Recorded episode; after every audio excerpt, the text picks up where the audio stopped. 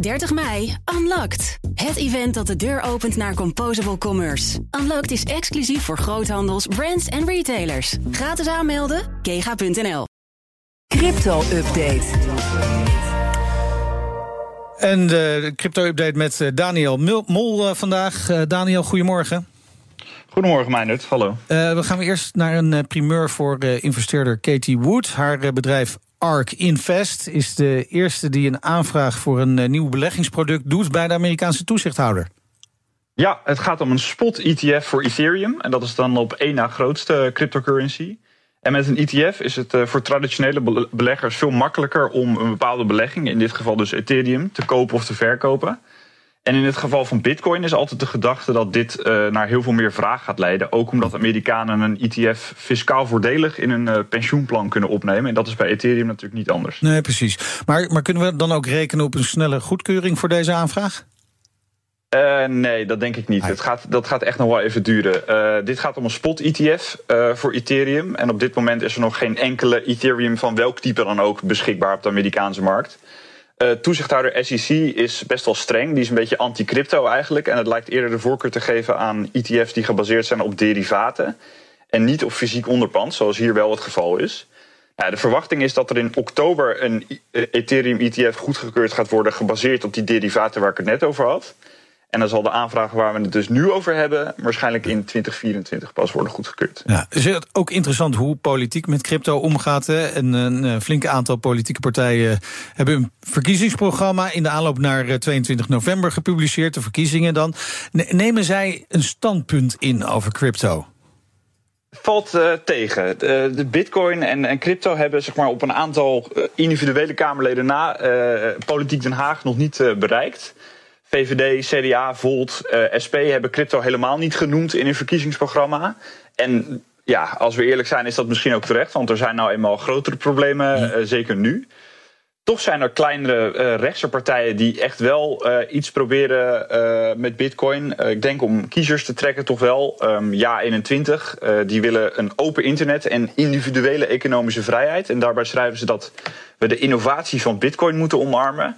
Eh, FVD is waarschijnlijk uh, vergelijkbaar in, in hun standpunt. En dan hebben we nog de Libertaire partijen, die zijn het ook ongeveer daarmee eens. Nou ja, dat zijn toch kleinere rechtse partijen vooral. Ja, ja combinatie PvdA GroenLinks heb ik nog niet voorbij horen komen. Die, die, die kwamen dinsdag met hun programma. Wat schrijven zij? Ja, daar was ik best door verrast. Uh, die willen uh, eigenlijk mining aan banden leggen. Ze maken zich daar heel druk over. En ze schrijven expliciet dat met, met Europese eco-designregels het gebruik en uh, de data en rekenkracht van die, van die grote miningcentra aan banden moet worden gelegd. en in diezelfde zin noemen ze overigens nog online advertenties, videostreaming en games, slimme apparaten en AI. Dus ja, ik ben benieuwd hoe ze dat voor elkaar gaan krijgen. Vooral ook omdat er eigenlijk heel weinig crypto mining is in Europa. Dat is heel erg duur. En eigenlijk vindt dat alleen maar plaats op, op plekken waar duurzame energie heel veel over is en niet elders kan worden ingezet. Dus ja, ik weet niet helemaal waar ze zich druk over maken in dit opzicht. Maar het idee is misschien goed. Maar... Nee, nee. Um, misschien heeft de politiek wel meer aandacht voor die digitale euro. Hè. Dat onderwerp behandel jij met Herbert Blankenstein ook uh, regelmatig uh, in, in, de, in de cryptokast. Krijgt dat wel aandacht? Uh, ja, daar zijn eigenlijk alle partijen hebben daar wel, uh, wel een mening over. Uh, die kan je dan grofweg opdelen in ja, zeg maar pro-Europa en eurosceptisch. Um, PvdA en GroenLinks, daar zijn ze weer. En Volt geven bijvoorbeeld aan voor die digitale euro te mhm. zijn. Ook omdat het toch een, een, een bepaalde macht wegneemt bij de commerciële banken zoals we die nu kennen. En dan heb je de eurosceptische partijen, dan schaar je dan ook de SP onder, maar ook Ja21, FVD. Uh, die zien een hele grote bedreiging voor cashgeld. Uh, en de SP wil daarom bijvoorbeeld een accentatieplicht voor dat cashgeld. Goed, dan is er deze week natuurlijk weer een uh, verse cryptocast. Wat zit erin? Een gesprek met Arno Laven van uh, Zero Six. En dat is een blockchain-bedrijf dat carbon credits, dus die CO2-certificaten die je eigenlijk uit, die je uitge, uitgedeeld krijgt voor het niet uitstoten van CO2, die wil die op die blockchain zetten. Hm. Nou, die wereld is nogal uh, fascinerend van de vrijwillige carbon credits. Ben heel blij dat ik eindelijk een, een markt, een wereld heb ontdekt die minder volwassen is dan de cryptomarkt. Dat is wel bijzonder. Ja. Er is namelijk geen centrale handelsplaats. Allerlei projecten waar carbon credits mee gemoeid zijn, dat, dat blijkt frauduleus te zijn. Nou, het is echt een, echt een zooitje.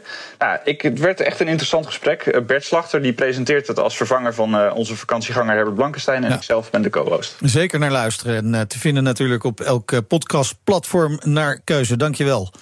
De crypto-update wordt mede mogelijk gemaakt door Bits, de Bitcoin-spaardienst van Bitonic.